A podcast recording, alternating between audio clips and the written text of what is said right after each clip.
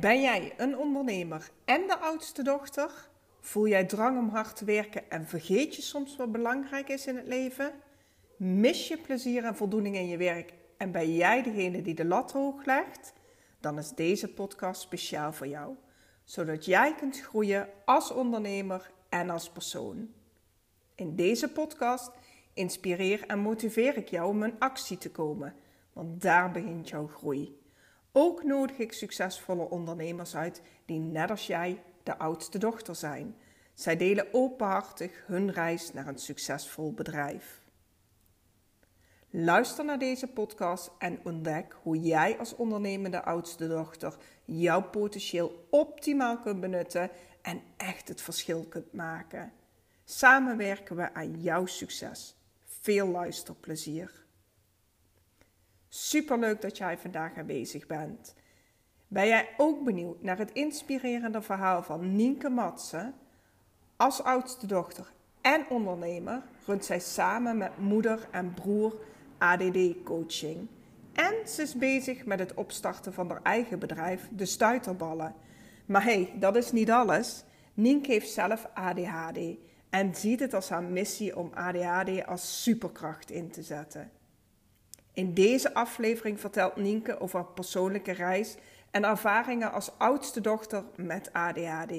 Hoewel veel oudste dochters zich herkennen in bepaalde eigenschappen, zoals verantwoordelijkheidsgevoel, serieus, voortvarend, ervaart Nienke dit anders. Laat je inspireren door haar verhaal. Ontdek hoe je ADHD als superkracht in kunt zetten en hoe het is voor haar als ondernemende oudste dochter. Luister nu naar deze aflevering en vind jouw kracht. Yes, we hebben deze dag een hele leuke gast in de podcast. Nienke, welkom. Dankjewel. Hey Nienke, ik ken jou nog helemaal niet. We hebben net de intro van jou ook helemaal overgeslagen, omdat ik zei, ja, ik ben gewoon rete nieuwsgierig. Wie ben jij? En deze hele podcast gaat over jou. Dus uh, laten we lekker beginnen. Ja, leuk. Ik ben benieuwd.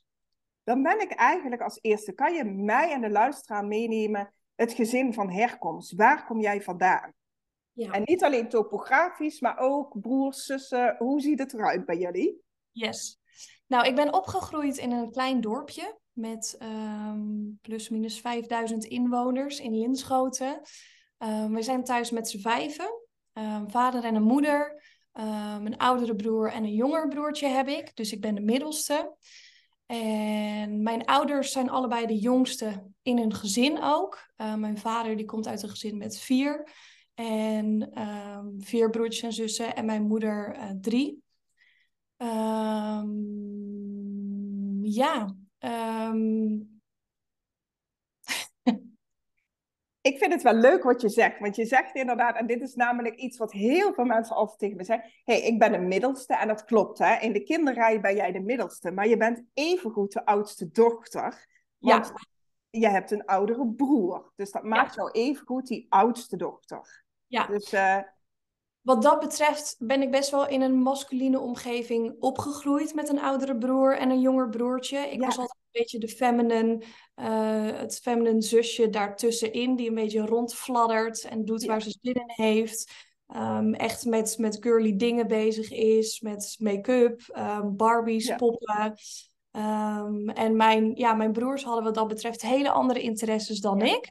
Ik heb het ook wel eens gemist, want ik had het heel erg leuk gevonden om bijvoorbeeld de kleding van mijn oudere zus uh, over te nemen en samen met een oudere zus te kunnen tutten. Ja, uh, maar dat is helaas nooit gebeurd. Nee, ik kan me voorstellen inderdaad dat er bij jullie misschien veel auto's en voetballen en uh, die ja. cliché ja. ja, speelgoed dingen waren. Ja, wat ook wel grappig is, is dat mijn oudere broer het altijd heel erg leuk vond om Lego uh, dingen in elkaar te zetten. En zodra ze in elkaar gezet werden, uh, vond, hij, vond hij er niks meer aan. En was ik degene die daar verder mee ging spelen. Oh ja, ja, mooi. Leuk. Ik maakte er verhalen bij ja. en uh, met poppetjes erbij. En hij vond vooral het technische onderdeel vooral heel erg leuk. Ja. ja, mooi. Mooi ook om te zien, zeg maar, hoe die dynamiek is. Hè? Bij jouw broer gaat het om het bouwen van iets. En jij inderdaad vindt veel leuker om het fantasiespel uh, te spelen, het rollenspel. Mooi. Ja. Hey, en je vertelt eigenlijk al een klein beetje, want daar ben ik altijd nieuwsgierig naar. Wie was jij als klein meisje? Wat vond je leuk? Wat deed je? En je hebt net al een aantal dingen uh, verteld. Ja, ja. Nou, ik heb, heb, misschien even leuk om te weten en belangrijk, ik ben het gecombineerde type. Dus ik heb ADD en ADHD. En ik mhm. ben op mijn tiende gediagnosticeerd met ADD en in mijn puberteit evolueerde dat meer naar ADHD. Dus ik ben als kind heel erg dromerig geweest, erg fantasierijk. Um, ik bouwde bijvoorbeeld ook op de Lego voetbalplaten van mijn broers een inrichting van huizen. En dan kon ik urenlang met die poppetjes verhalen spelen. Um, maar ook op vakantie. We hebben heel veel gekampeerd um, in mijn kindertijd in Zuid-Frankrijk. Kon je mij ook gewoon urenlang ergens aan een strandje laten zitten met steentjes spelend. Ehm, en daar kon ik hele eigen verhalen bij bedenken. Um, als kind was ik ook eigenlijk al erg uh, meelevend en sensitief. Mhm. Ehm, ik kon eigenlijk al heel erg veel aanvoelen. En dat komt dus eigenlijk ook mede door mijn ADD en ADHD. En ja, ik kon ook wel eens uh, s'avonds huilend eigenlijk in bed liggen, omdat ik wist dat alle arme kindjes in Afrika geen eten hadden. Ja. Ehm, dus ik voelde heel erg veel aan, ook in ruimtes. Ehm, als andere mensen er niet lekker uh, bij zaten, kon ik dat heel erg aanvoelen. Ik heb ook erg een sterk rechtvaardigheidsgevoel gehad als kind. Ik ben ook erg bewegelijk geweest. Ik uh, had moeite met stil liggen en zitten. Mijn vader dacht, oh leuk, een tweede babytje. Daar kan ik weer lekker mee kroelen en samen in slaap vallen. Maar nee, ik ik krielde door het hele bed heen. En mijn vader dacht, oh, wat jammer. Ja. Ehm, en ik merkte ook dat, of mijn moeder vertelde wel eens aan mij dat ze mij eigenlijk echt naar zich toe moest trekken. Van, hey Nien, kom even knuffelen. Want ik was eigenlijk ook een beetje all over the place. En ik, ik ja, was bewegelijk en ik zocht mhm. die vrijheid heel erg. Um, ja. En uh, ik heb een hele fijne basisschooltijd gehad. Ehm, ik merkte dat ik daar echt optimaal mezelf kon zijn. Ehm, ook gewoon mijn dromerige en fantasierijke ik. Ehm, maar ik heb echt een, ja, een hele fijne basisschooltijd gehad, waarin ik me echt geaccepteerd heb gevoeld. en ja, mezelf kon uh, ontdekken zonder me zich aan te trekken van anderen, zeg maar. Ja, mooi om te horen. Hey, en als je dan zeg maar, ons meeneemt richting je puberteit, hè, de middelbare school, mhm. ehm, kijk je daar op dezelfde manier op terug of gingen daar dingen veranderen? Ja, nee, daar ging absoluut iets veranderen. Uh, want op de basisschool op tienjarige leeftijd ben ik dus gediagnosticeerd met ADD. En het is veel voorkomend voor meisjes om voor de puberteit sneller ADD als diagnose te krijgen dan ADHD. Want in die puberteit kwamen die hormonen meer vrij. En evolueerde eigenlijk mijn ADD meer naar ADHD. En dit was best wel wisselvallig. Um, ik wist eigenlijk niet in wat voor uh, moed uh, ik mezelf die dag kon treffen. Dat kon uh, de dromerige ik zijn, die heel erg ja, wat meer aan het bubbelen is in, in haar binnenwereld. Maar dat kon ook de hele drukke, impulsieve, energieke ik zijn. En daarin vond ik het zelf best wel lastig om te weten van, hé, hey, wie ben ik nou precies? Um, wanneer ben ik welke versie? Um, welke versie vinden andere mensen het leukste? Um, ja, en, en ik heb de puberteit denk ik ook wel eens als een onzekere tijd meegemaakt. Um, ja, toch wel onzeker over jezelf, over mm. of het mooi genoeg was, wat anderen van mij vonden. En als je dan die, die tegenstrijd van twee persona's hebt, mm. ja, is dat best wel lastig, denk ik, om daarmee om te gaan. Ja, dat kan ik me voorstellen, inderdaad. Ja. En dan, dan komt het moment dat je een studiekeuze moet maken. Ja, nou, dat waren uh, twee eigenlijk foute keuzes in mijn leven. Ik moet zeggen, ik heb ook nog niet heel veel mensen gesproken die zeggen, nou, mijn studiekeuze, daar sta ik nog steeds 200% ja, achter. Want je bent piepjong en je moet een keuze maken daarin. Uh, niet wetende dat je later natuurlijk ook nog andere studies kan volgen en totaal kan wisselen van baan. Dus dat voelt echt als iets heel zwaars. Ehm, ik ben op uh, de middelbare VMBO-T-HAVO gaan doen. Um, ik ben gestopt met mijn medicatie Ritalin toen der tijd. Ja. Ik merkte dat dat ook heel veel met me deed. Ik werd een soort hyper-alert op mezelf. Dus oh, alles wat ik deed, hoe ik zat, wie ik aankeek, um, was ik heel erg alert, alert over. Mm -hmm. Dus daar ben ik mee gestopt. Nou, toen ben ik natuurlijk naar T gezakt. Want als je in een combi-klas ook zit als puber, dan doe je natuurlijk alles wat nodig is, maar niet meer. Ja. Uh, wat achter, achteraf gezien best wel jammer is. Um, en toen ben ik daarna MBO uh, toerisme en front office management gaan doen. Omdat ik dacht, ja, reizen, leuk. Um, en ik droomde op de puberteit er ook al heel erg van om echt um, wat dat betreft letterlijk grenzen te verleggen. Naar het buitenland te gaan, in mijn eentje, het avontuur op te zoeken, helemaal de vrijheid te hebben, de zon die schijnt, uh, de warmte, nieuwe mensen ontmoeten, um, nieuwe vrienden maken. Ja, ik verlangde daar echt mijn hele puberteit van. Um, en wetende dat, dat ik dat tot uh, misschien 18-jarige leeftijd niet kon, maakte mij ook eigenlijk best wel verdrietig. Ik had het liefst op mijn vijftiende al uh, een vliegticket naar het buitenland ja. Um, dus uh, toerisme en front office management. En um, even kijken, ja, dat was, ja, dat, ja, ja, wat moet ik daarover zeggen? Dat was gewoon, um, ik zat daar omdat het moest. En eigenlijk is het helemaal niks voor mij. Want front office is eigenlijk heel organisatorisch. Overzicht behouden, um, een beetje spinnen in het web zijn. Dus allemaal verschillende communicatieafdelingen. En um, ja, hallo, ik heb ADHD. Dat is echt alles behalve waar ik goed in ben. Uh, maar goed, dat toeristische onderdeel vond ik wel heel erg leuk. Uh, maar goed, ik heb die studie afgerond. Ik had het papiertje, de diploma. En um, toen ben ik naar het buitenland vertrokken. Oké. Okay. Uh, eindelijk, want het kon. Ja, ik had papier, ja. ik dacht, doe je allemaal.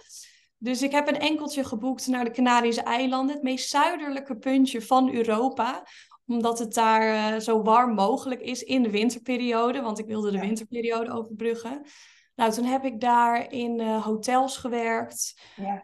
um, tijd van mijn leven gehad, maar na een half jaar dacht ik, ja, dit is eigenlijk wel ook deels waar ik voor opgeleid ben. Maar ik zie dit mezelf helemaal niet voor de rest van mijn leven doen. Nee.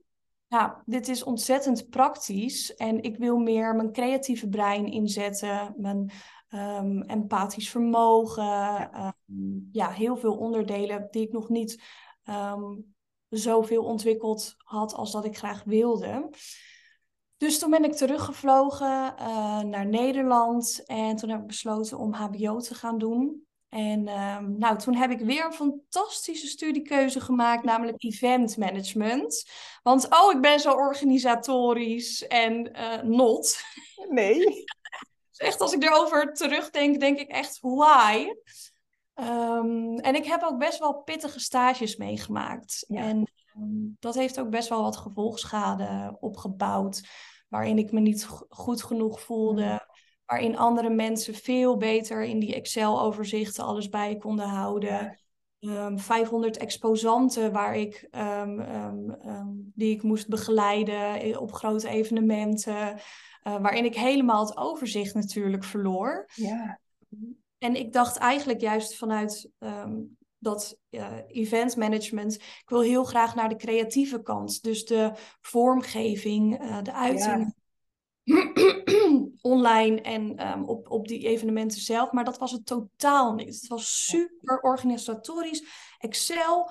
Um, heel veel dingen die ik niet leuk vond. Ja, precies. Juist die kant heel erg van, um, uh, van de studie hè? en in het werkveld. Ja, ja. Dus nou ja, best wel gek dat ik die keuze toen er tijd heb gemaakt. Maar ik denk dat ik me nog niet zo bewust was uh, waar ik goed, wel goed en niet goed in was.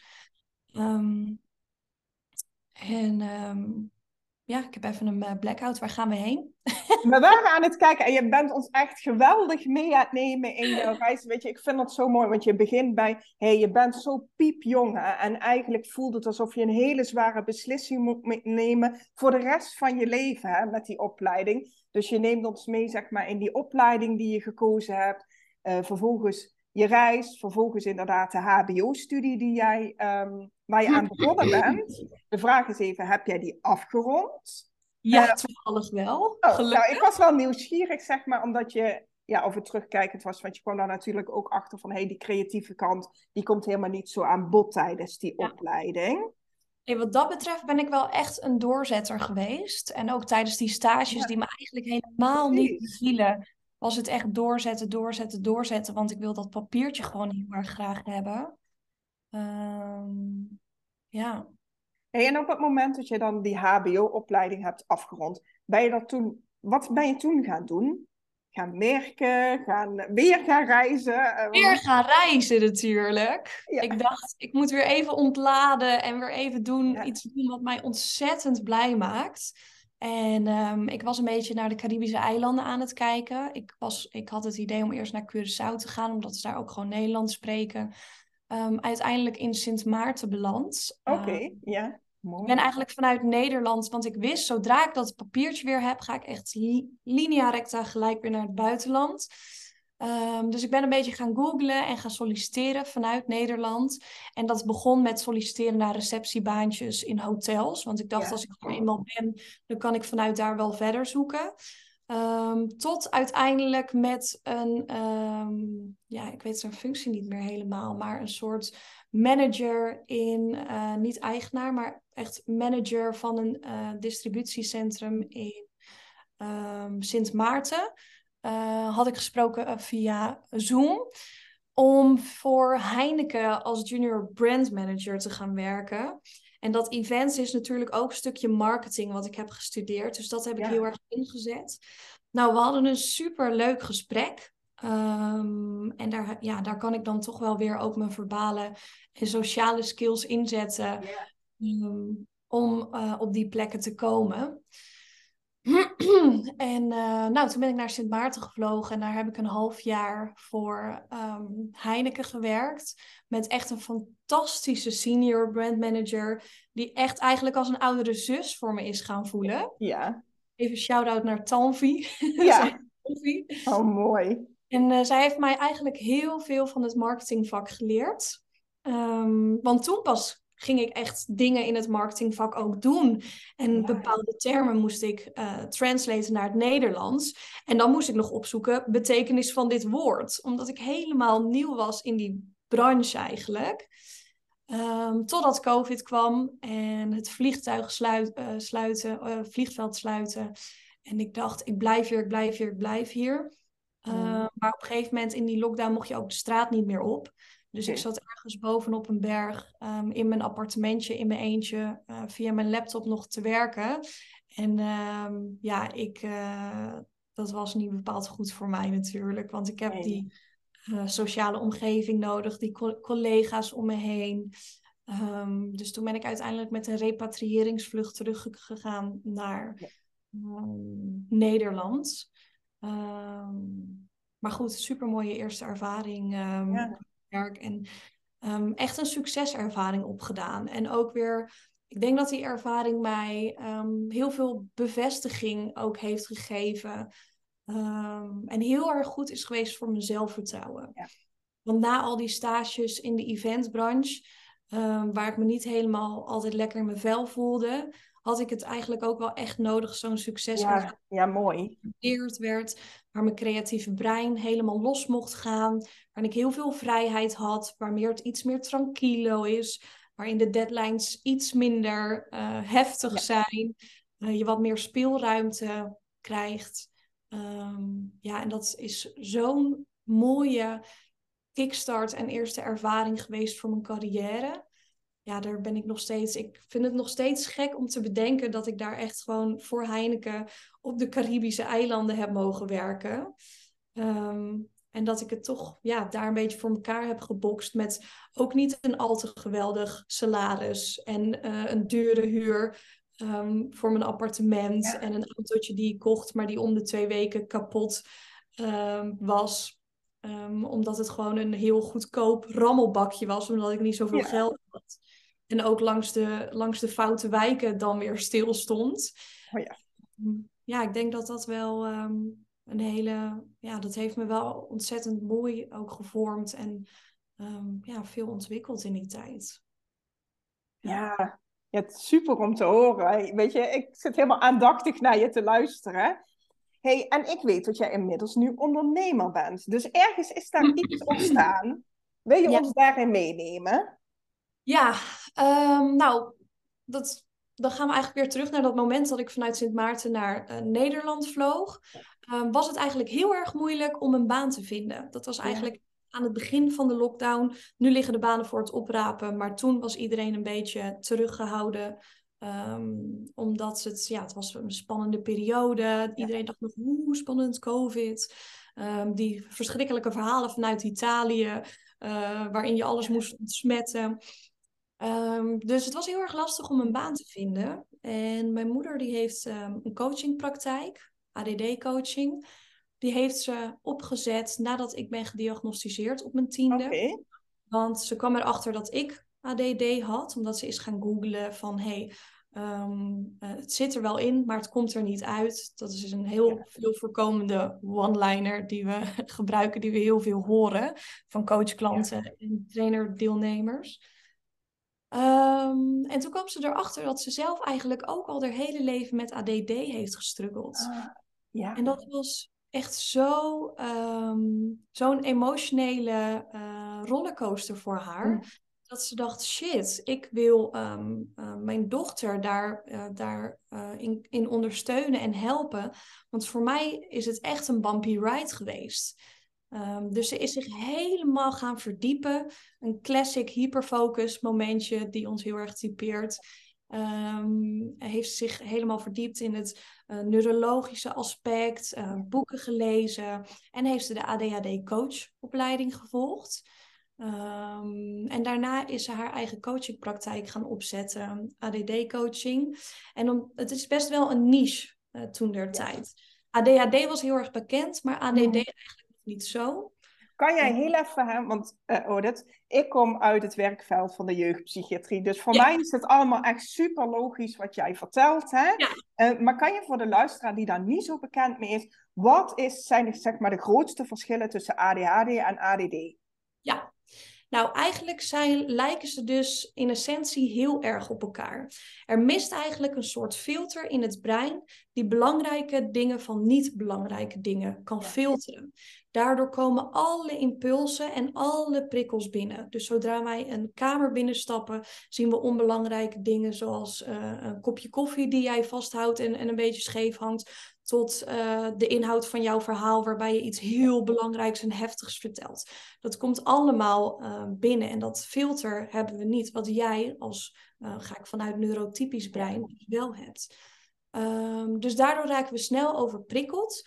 En die ADD'er, die moet zich echt terugtrekken om weer even op te laden, om de informatie te verwerken, een plekje te geven, om weer terug in, in die buitenwereld, in sociale kringen te zijn. En een ADHD'er, die gaat eigenlijk reageren op al die impulsen om, om die overprikkeling maar te verwerken. Um, en um, ja, de ADHD'er staat ook uh, bekend als hyperactief. Um, en is ook wat impulsiever dan de ADD'er. Dus de ADHD'er die denkt, kom we gaan dit nu doen. Uh, we boeken een vliegticket uh, naar de Canarische eilanden en uh, ik, ga hier, ik ga daar werken. Um, en de ADD'er die kan wat meer daarover nadenken voordat hij die keuzes maakt. Ja. ja, mooie uitleg. Ja. En we waren bij het punt, want weet je, ik vind het wel fijn voor, weet je, daar moet ik soms ook alert op zijn, van niet iedereen die luistert is helemaal bekend met bepaalde termen. Dus vandaar inderdaad een vraag voor verheldering. Maar jij was eigenlijk aan het vertellen, hè, jij kwam in COVID-tijd terug, de banen lagen niet voor het oprapen. Je vertelde het verhaal van je moeder, hè, hoe zij erachter kwam dat zij um, ook uh, eh, ADD had. Uh, eigenlijk pas op vele latere leeftijd daarachter kwam ja. zij inderdaad een coachingspraktijk opstarten. En nu komt eerst het moment waar jij een rol daarin gaat spelen. Ja, um, nou, ADD-coaching biedt dus uh, één op één coaching en volwassen trainingen. En toen ik terugkwam uit Sint Maarten, zou een coach binnen ADD-coaching ook uh, de jongere training gaan opzetten. Maar um, dat ging niet helemaal door. Dus zei mijn moeder: um, Nou, je hebt geen werk. Als je wil, kan je de jongere trainingen wel gaan opzetten. Uh, want dat is er niet helemaal van gekomen. Dus uh, de floor uh, is yours. Ja. Um, en toen dacht ik: Vet. Want ik vind het heel erg leuk om voor groepen te staan. ik hou van die interactie. Dus prima. Challenge accepted. Ja. Dus ik heb wat trainingen gevolgd van mijn moeder. En Daarnaast zijn heel veel dingen um, eigenlijk vanaf mijn tiende al met de paplepel ingegoten, ook door mijn moeder. En um, heb ik die trainingen van mijn moeder, ik, ik was daar wel eens, um, ja, rechterhand, waarbij ik thee of koffie schonk. Dus ik kreeg daar al heel erg veel van mee. Nou, ik heb mijn eigen draaiboek geschreven. Daar uh, komt jouw creatieve brein weer heel erg uh, ja, in terecht. Ja. ja, ik heb er eigenlijk een beetje mijn versie van gemaakt in een nieuw jasje gestoken. Echt um, voor jongeren gemaakt. En uh, nou, die heb ik, geef ik inmiddels al twee à drie jaar. Ja. Um, en ik ben dat zo leuk gaan vinden. En ik vond het verhaal van de jongeren zo bijzonder om te horen. Um, omdat dat een heel ander, uh, een andere belevingswereld is dan die ouders. Die ja. volwassenen die naar de training komen, die hebben wat meer die ontlading van wow, ik heb hier mijn hele leven al last van. En de jongeren hebben wat meer van ja, mijn moeder die zegt elke dag weer hetzelfde, dat ik mijn kamer op moet ruimen. En, maar ook een stukje um, ja, faalangst, ja. spanning en stress. Um, zal ik wel, um, ben ik wel genoeg? Waarom merk ik dat ik anders ben? Um, en 99% van de mensen om mij heen um, ja, dingen anders interpreteren mm. dan ik doe. Ja. Terwijl dat eigenlijk dat creatieve brein is, omdat we zo uh, ontzettend goed kunnen associëren met ons brein. Ja. Um, dus de jongerentraining ben ik gaan opzetten, vond ik ontzettend gaaf om te doen. En tot twee jaar geleden. Ik ben ontzettend slecht in tijd. Dan weet je dat alvast. Ja. Het kan vijf jaar zijn, kan één jaar geleden zijn. dat valt wel mee, maar nou ja, dan weet je dat. Um, ben ik daar, vond ik het eigenlijk zo leuk dat ik dacht, ik wil hier veel meer mee doen. Ja. En gedurende die periode ben ik ook eigenlijk kort nadat ik met die training ben gestart, was ik aangenomen bij de Lotus Fashion in de mode-industrie. Um, als creative marketeer ben ik daar aan de slag gegaan. Dus heel, um, ja, waarin ik ook echt ontzettend veel ervaring op heb gedaan, wat ik nu ook weer heel erg meeneem. Dus de combinatie is heel erg bijzonder. Um, want bij de Lotus Fashion begon ik dan eigenlijk bijna tegelijkertijd dan dat ik echt de training ging, uh, als dat ik ja. de training ging geven. En daar kwam heel erg de grafische vormgeving, mijn videografie, mijn fotografie um, um, tot zijn uiting. Uh, kon ik die skills kon ik heel goed ontwikkelen en verbeteren um, binnen mijn uh, functie en um, ja, dat bedrijf. Dat is ontzettend gaan groeien. Um, dus als ik ook wel eens keek naar uh, nieuwsbrieven of posters die ik dan helemaal aan het begin maakte, kon ik mezelf gigantisch hard uitlachen dan wat het uh, twee jaar later ja. eenmaal is geworden. Maar het zag, daarin zie je wel jouw groei die je hebt doorgemaakt. Ja, en ook de ruimte die ik kreeg van dat bedrijf. Uh, om eigenlijk alles te doen waar ik goed in was. Ja. Want de functie bestond nog niet. En um, ik kwam erin als um, ja, social media marketeer. En ik ben steeds meer um, aspecten erbij gaan uh, ja. doen. Dus nieuwsbrieven, uh, de digitale communicatie, uh, promovideo's, fotoshoots, modeshows georganiseerd. Terwijl ik helemaal niet goed ben in organiseren.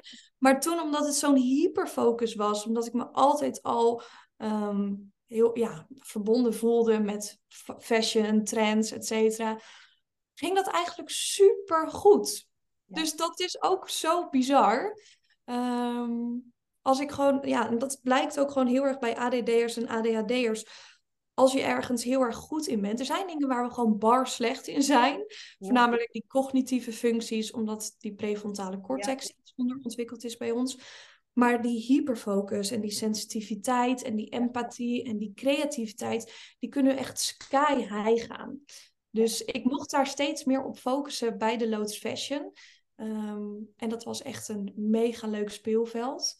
Um, ik vind het ook dus mooi om te horen, inderdaad. Hè? Weet je, um, ik heb natuurlijk heel veel gewerkt met uh, jongeren met inderdaad psychische problematiek, maar ook ADD, ADHD, die heel vaak vastliepen op het moment dat ze in loondienst gingen, omdat ze daar niet ruimte kregen. Dus ik vind het zo mooi wat je vertelt, zeg maar. Weet je, het, voor mij was het één speelveld. Ik, ik mocht daar spelen, ik mocht daar mijn kwaliteiten inzetten. Ja, ja, en weet je, ik word daar blij van, want dan krijg je dus inderdaad dat je in je kracht gezet wordt. Ondanks dat ik dat een beetje een containerbegrip vind, maar je snapt denk ik wel wat ik bedoel. Ja, en dat wat jij nu vertelt is eigenlijk precies ook mijn inspiratie om uh, mee te nemen naar uh, de jongeren en ja. uh, volwassenen die ik nu coach en train ook. Van creëer je eigen speelveld. En, um, um, zet je grenzen ook daarin. En um, laat je omgeving ook weten wat je nodig hebt. Ja. Want heel eerlijk, bij de Loods Fashion in het begin was het totaal niet zo. Was het, yo, Nienke, je agendabeheer is niet onder controle, uh, je overzicht is niet goed, je loopt achter de feiten aan. Maar vanuit daar heb ik steeds meer mijn eigen ruimte in mogen nemen. En ja, ja ik had een fantastische manager die, die ook heel kritisch is. Dus in het begin zoiets had van, yo, Nien, dit moet allemaal wel echt verbeteren. Maar heel eerlijk, ik ben er eigenlijk nooit beter in geworden. Maar ik ben wel beter geworden in mijn eigen ruimte innemen en laten zien waar ik heel goed in was. Ja, en precies. dat was Mooi. echt wel een, een, ja, ook wel eens een pijnlijke route om te bewandelen. Ehm, maar wat me uiteindelijk wel op een hele mooie uh, plek bracht. Ik ben nog steeds goed bevriend met mijn manager. Um, dus voor haar was dat ook een soort nieuwe ontdekking, denk ik. Ja. Waarin ze uh, zag hoe ik um, in sommige dingen heel slecht was. En uh, daar eerst mij op bekritiseerde. En op een gegeven moment dacht, oké, okay, ik zie waar ze goed in is. Ik laat haar daar wel op focussen. Ja. Um, en we kijken wel hoe we de andere dingen oplossen. Maar hoe lekkerder ik in mijn vel zat, hoe beter ik ook mijn planning uh, beheer kon bijhouden en zelfs uh, een modeshow kon organiseren. Ja. ja, super. Ik vind het fantastisch. Ja, ja dus het was zo'n mooie ervaring. Uh, maar op een gegeven moment, ehm, ik was die training dus eh, twee jaar ja. lang aan het geven. En die jongerentraining één keer per maand. Werden mijn weken zo bomvol met en werken ja. voor de Lotus Fashion en die trainingen geven. En moest ik op een gegeven moment een keuze gaan maken. En dit vond ik zo ontzettend moeilijk. Want ik had ADHD coachopleiding op een gegeven moment afgerond. En ik wilde ook één op één gaan coachen. Maar ik merkte dat ik dan een hele lange werkdag had. S'avonds moest gaan coachen. Um, en dat ik gewoon niks meer aan vrije tijd overhield. Ja. Um, dus die pijnlijke keuze naderde steeds meer en meer. En op een gegeven moment zag mijn manager eigenlijk eerder dan ik... Yo, uh, Nienke, ik denk dat jij nog eens even goed moet gaan nadenken over wat je nou precies ja. allemaal wil. Want ik zie dat je overstroomt. Um, en um, ja, zij kon mij altijd heel goed inschatten en ja. doorzien. Ja. Dat ik soms wel, soms was wel eens spannend, dat ik dacht, oh, ze ziet echt alles. Ja, ja we deelden ook een kantoor, dus um, ja, we, we, hadden gewoon ook wel een hele leuke band. Um, en toen, ja, zij heeft mij eigenlijk het duwtje gegeven om toch wel die keuze echt te gaan maken. Toen heb ik besloten om te stoppen met pijn in mijn hart bij de Lotus Fashion. Want ik had daar nog steeds ontzettend naar mijn zin. Het was ja. lekker dynamisch, druk, veel prikkels. Vond ik heerlijk. Een superleuk team. Uh, groot team ook, waar ik in werkte. En, maar ik had, ja, ik had toch het gevoel dat ik meer met, met coaching wilde gaan doen. Ja. Um, en ik vond het ook wat duurzamer, het coachen. En het, het gaf me heel erg veel voldoening. En um, dat is eigenlijk een uniek gevoel wat ik zelden eerder heb gevoeld. Dat ik na coachgesprekken of na trainingsdagen gewoon echt een, een, ja, een, een, een sprankelend gevoel van voldoening ervaar. En dat was haast verslavend, dat ik dacht, wow, ik wil hier meer van. Ja. Um, dit is zulk cool werk. Um, dus ik ben um, eigenlijk ehm, ja, ehm, hoe vertelde ik dat net aan jou? Co-eigenaar, um, meerunner, co-runner. Nou ja, heel veel bijzondere woorden probeer ik te vinden. Uh, van ADD-coaching. Ehm, want mijn broer die doet eigenlijk het digitale aspect en de website. Ehm, en die um, is heel autodidact. Die ontworp al websites toen hij 12 was. en die heeft eigenlijk ADD-coaching tot zo'n uh, hoog level gebracht. Dus mijn moeder zei wel eens, nou, ik zou wel eens uh, meer coachgesprekken willen hebben. Dus dacht mijn broer, broer op jongere leeftijd, uh, toen hij 14 was, nou prima, dan uh, gaan we aan de CEO en de CA werken. En ja. bouwen we even een mooi websiteje. En zo groeit het, groeide het bedrijf ontzettend. En um, ik coördineer nu zeg maar de trainingen en de nieuwe trainers die, die bij ons komen. Dus we krijgen er steeds, we hebben al heel veel coaches op de coachpagina ik wil eigenlijk ook het trainersteam gaan uitbreiden. En daar ben ik nu uh, mee bezig. Maar daarnaast dacht ik, um, of voelde ik in mijn lijf, ja, dit is heel erg ADD gericht. Natuurlijk komen er ook ADHD'ers over de vloer. Maar ik kan me eigenlijk veel beter vinden met die druktemakers. Ja. Oftewel de stuiterballen. Want en nu... daar, ja, ik wou zeggen, daar ontstond een nieuw bedrijf. Ja, ja. En mijn broer, dat is echt een, uh, ja, een dromenjager. Um, en ik heb uh, dit idee bij hem gepitcht. En um, hij helpt mij nu om uh, dat op te zetten. Echt, hij is heel, bezig met een heel mooie website en echt een supermooi platform op te zetten. En um, ja, die creativiteit en dat ondernemerschap zit denk ik ook wel heel erg in het gezin. Ja. Want Charlie die heeft zulke bizarre, creatieve, mooie, kwalitatieve ideeën altijd. En hij is eigenlijk echt de ondernemer. En ik ben wat meer de creatieve fladder um, en, en de coach en de trainer. En Charlie die kan echt potentie ergens in zien. En die zegt, dit moeten we zo aanpakken. Dit is de doelgroep. Dit moet er op de website staan. Uh, de pijn, de oplossing, um, de diensten dat kan die ontzettend goed. Dus die samenwerking is echt heel erg leuk altijd. Um, en ja, mijn website komt hopelijk uh, binnenkort live. Daar ben ik al een paar maanden heel hard mee bezig. Charlie zegt ook wel eens tegen mij, Nien, um, niet te hoge eisen stellen. Hè? Want dan duurt het nog een half jaar voordat die website live is. Omdat vanuit mijn um, uh, fotografie en videografie skills heb ik gewoon hele hoge eisen. Dus als ik dan ook een fotograaf of videograaf inzet, dan wil ik het precies, zeg maar, zoals ik het wil hebben. En dan nog beter dan dat ik het zelf kan maken. Ja. Dus, en Charlie zegt, weet je, je bent ook een starter. Uh, je, je zit in het begin van, de, van het opzetten van je bedrijf. Het hoeft nog niet op niveau 100 te zitten. Niveau 70 is al bizar hoog. Um, um... Een mooie spiegel voor je in ieder geval. Ja, ja, ja mooi.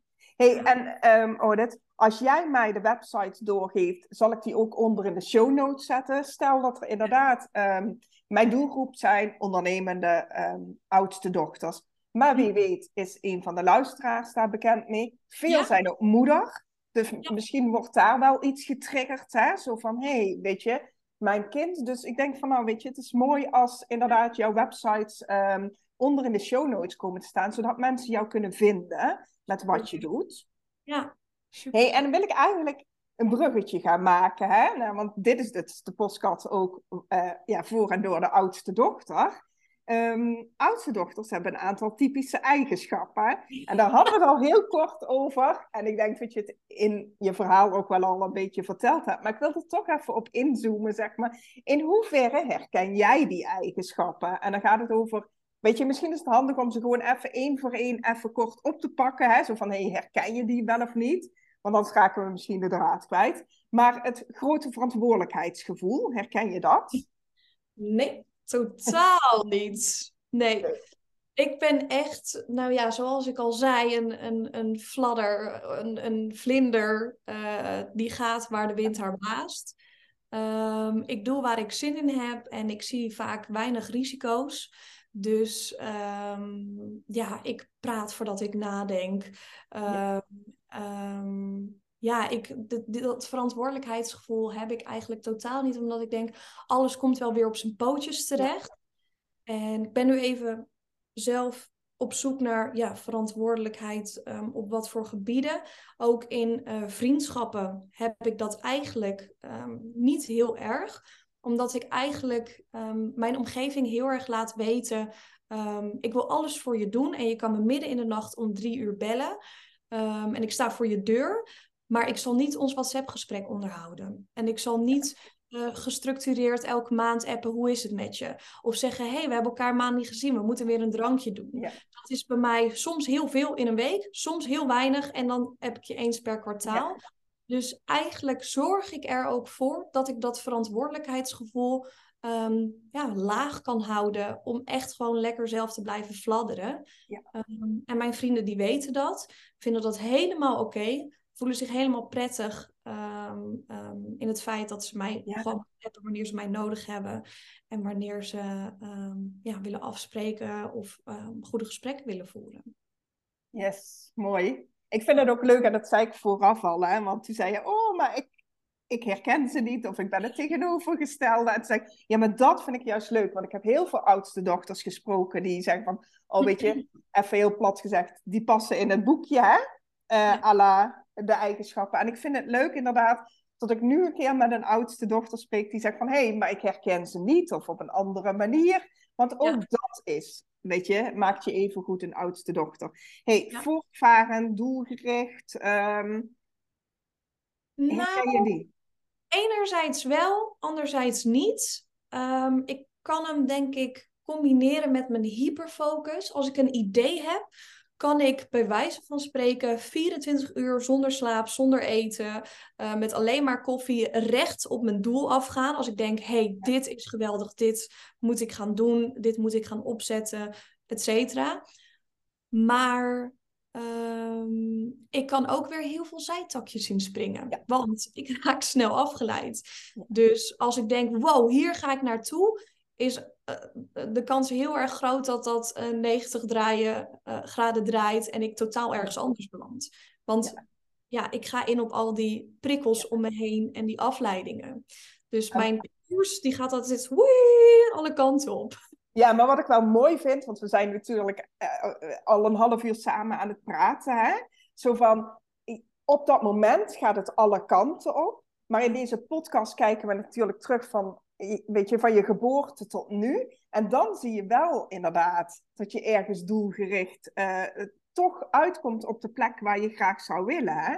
Ja, ik heb dat doel ook wel echt nodig. Ja. Uh, ik heb iets nodig waar ik naartoe kan leven. Echt wel ja, projectmatig kunnen werken. En dat klinkt heel zakelijk, maar dat geldt eigenlijk ook voor mijn persoonlijke leven. Ja, ja eh, precies. Ja. ja hey, en serieus. En dan is het niet het serieus van oh, geen grapjes kunnen maken of niet lachen, maar weet je, taken serieus oppakken. Ehm, dat wat je doet serieus oppakken. Ik denk ehm, wel heel erg. Ja. En heeft ook weer twee kanten.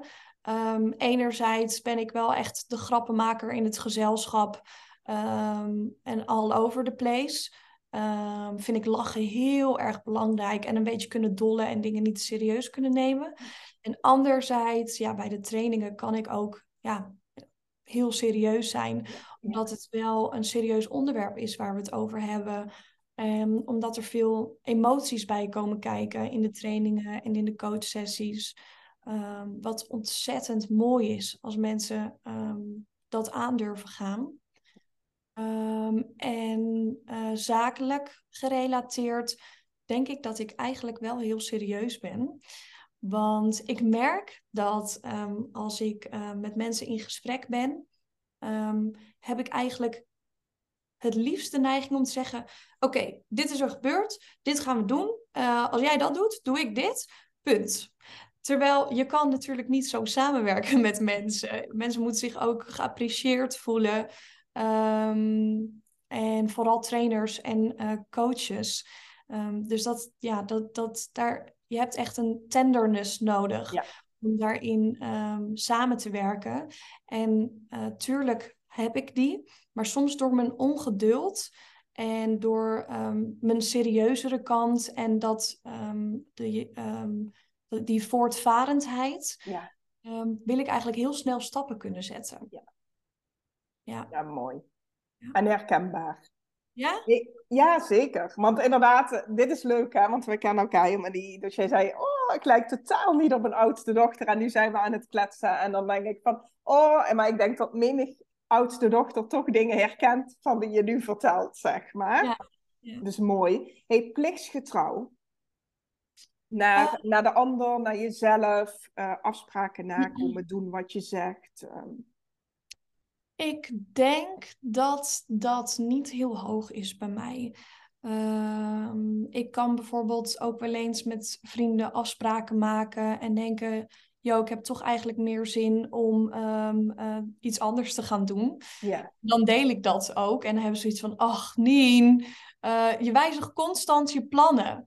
Ja. Ehm, en dat komt eigenlijk uit een soort filosofie waarin ik het gewoon heel erg belangrijk vind om dingen te doen die alleen, ja, klinkt even egoïstisch, maar die mij heel erg blij maken. Dus dat Ja. sociaal wenselijke gedrag heb ik heel erg ervaren door me heel veel aan te passen van nul ehm, Ja. tot nu, soms nog steeds. Ehm, en ik vind het belangrijk om dicht bij jezelf te blijven. Ja. Daarin vind ik, ja, ik plan het liefst zo min mogelijk. Ik hou mijn weekenden het liefst zo, zo open en ruimtelijk mogelijk. Zodat ik echt 's ochtends wakker kan worden en kan denken, waar heb ik vandaag zin in? En dan heb ik heel veel vrienden om mij heen die een datumprikker sturen voor over drie weken. Oh, zullen we dan lunchen? Zullen we dan een drankje doen? En dan denk ik, oké, ik weet dat het anders onmogelijk is met jouw drukke agenda. Prima. Maar als ik dan op de woensdagochtend denk, ja, ik heb daar niet heel veel zin in, dan denk ik, ja, dit is ook niet mijn systeem. En Nee. op Sint Maarten had je dat ook minder. Daar, dat, dat was een beetje go with the flow. Op zaterdagochtend appte je mensen. Of ja, ook een andere cultuur. ja, die cultuur die beviel mij zo erg. Nou vond ik zo moeilijk om terug in Nederland te komen. Om Ja, dat- je agenda beheert een beetje. Ja. Het beheert je leven. Terwijl eigenlijk je gevoel en emoties dat zouden moeten doen. Ja, want ik vind het wel, weet je, wat jij vertelt, hè?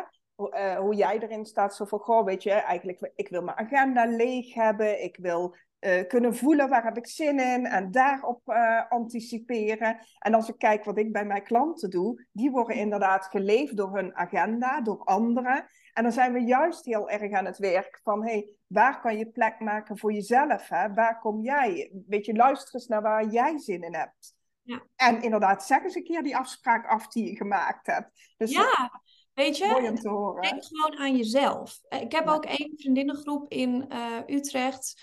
Ehm, die dus die gigantische drukke agenda hebben.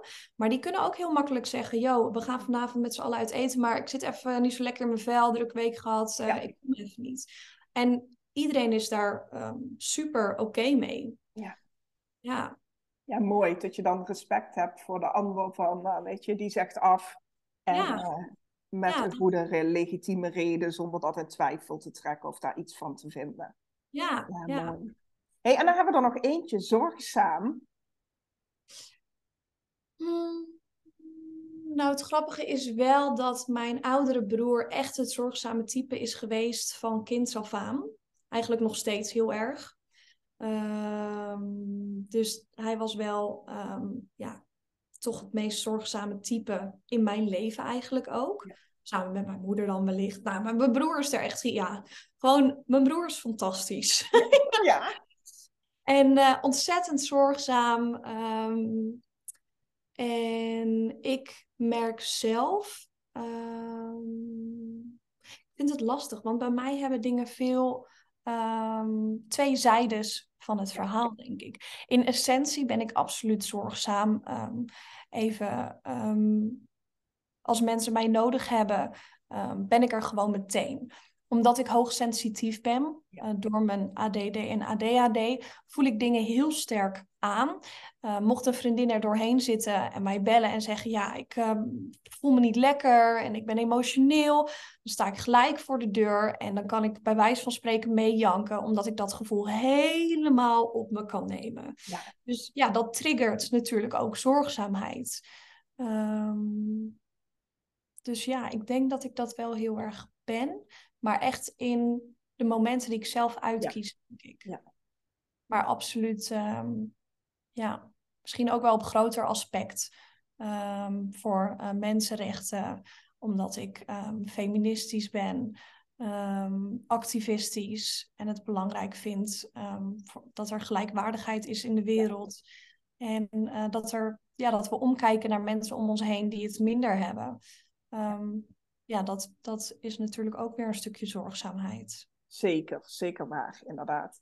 Hey, wij zijn echt uh, heerlijk op weg aan het kletsen. En ik probeer altijd de podcast zo'n beetje rond het half uur te houden. Nou, daar zijn we al lekker, uh, die hebben we al lekker aangetikt. Nou, dat konden we verwachten misschien. maar dat is alleen maar een mooi teken. Um, ja. Want ik vind het heerlijk om naar jou te luisteren. En ik ga, een beetje, ik ga ervan uit dat de luisteraar dat ook vindt. Um, dus laten we naar een afrondende fase gaan. Yes. Als jij, we, we hebben van alles benoemd, hè? uh, in deze podcast. Je hebt ons meegenomen eigenlijk in jouw hele reis van waar je nu staat. Hè? Mm-hmm. En ik overval je misschien een beetje bij die vraag, want um, wat hebben we dan nog niet benoemd? Is er iets waarvan je zegt van, oh weet je, dat zou nog wel mooi zijn uh, om te benoemen in de podcast? Mm. Of zeg je van, nou weet je, eigenlijk, ja, de rode draad hebben we eigenlijk wel helemaal gehad. Ja, ja, ik kan wel heel veel dingen bedenken en dan ook weer niet. Mijn brein gaat natuurlijk... Alle kanten uit. Nee, ik denk dat ik wel um, ja, een goede um, samenvatting ervan heb gedeeld. Ja. Ik hoop dat um, ja, mensen dan ook misschien wat meer gaan inzien. Of nou, iets wat ik eigenlijk nog wel heel graag zou willen toevoegen. Ja. Um, een motivatie ook voor mijn werk is dat ik um, ADD en ADHD echt als een superkracht zie. En hoe meer gefocust je bent op de negatieve kenmerken, hoe uh, meer je die stress verergert um, en ja, je de negatieve kant op vaart. Mm-hmm. En hoe meer je gaat dingen op die dingen focussen op de dingen waar je goed in bent, hoe meer je daarin kan gaan floreren. En echt doelen kan gaan behalen die je zelf wil. En die mogen echt zo gek zijn als je zelf kunt bedenken. Maar als jij gelooft dat je daar kan komen, dan durf ik echt mijn hand ervoor in het vuur te steken dat je daar gaat kopen, komen als je je positieve ADD, ADHD-eigenschappen gaat inzetten. En dat merk ik dat dat nog een beetje mist in de maatschappij van nu. Het wordt heel erg gefocust op het negatieve, maar met het positieve kan je echt 200 kilometer per uur gaan. Ja. Ja. Ja, hele, ja, weet je, hele waardevolle toevoegingen. Ik denk dat het heel mooi aan bod is gekomen in je podcast. Dus weet je, in die end heb je dit eigenlijk heel mooi verteld. Maar ik vind het wel een hele mooie afsluiter van je. Want ik geloof daar ook heilig in. En zeker als we daarin ook nog een beetje het systeem los durven te laten. Hè, van hé, hey, zo hoort het of zo moet het. Ja, dan kan je, maakt niet uit wie inderdaad met ADD, met ADHD ook gewoon echt ja, weet je, dan ligt een toekomst voor je. Dus ja, ja. Daarom, daarom, vind ik het super tof dat jij vandaag dit podium hebt gekregen in uh, deze podcast. Want jij bent wel een voorbeeld en een inspiratie voor velen van hey, wat er mogelijk is. Oh, dat is super mooi om te horen. Ik heb het gevoel dat alles van de hak op de tak ging. Maar als jij zegt dat er een samenhang en een rode, rode draad in zit, dan ben ik dankbaar. Ja, het is eigenlijk een heerlijk verhaal geworden. Inderdaad, ja, wat voor de luisteraar en inderdaad voor mij helemaal niet zo op de hak op de tak ging als wat jij nu denkt. Dus ga hem heerlijk terugluisteren. Wij gaan er een eind aan breien. Nienke, dank je wel voor uh, jouw input in deze podcast. En uh, ik zet de show notes eronder waar jij te vinden bent, mochten mensen geïnteresseerd zijn. Yes, dank je wel. Bedankt voor je uitnodiging. Dank je wel.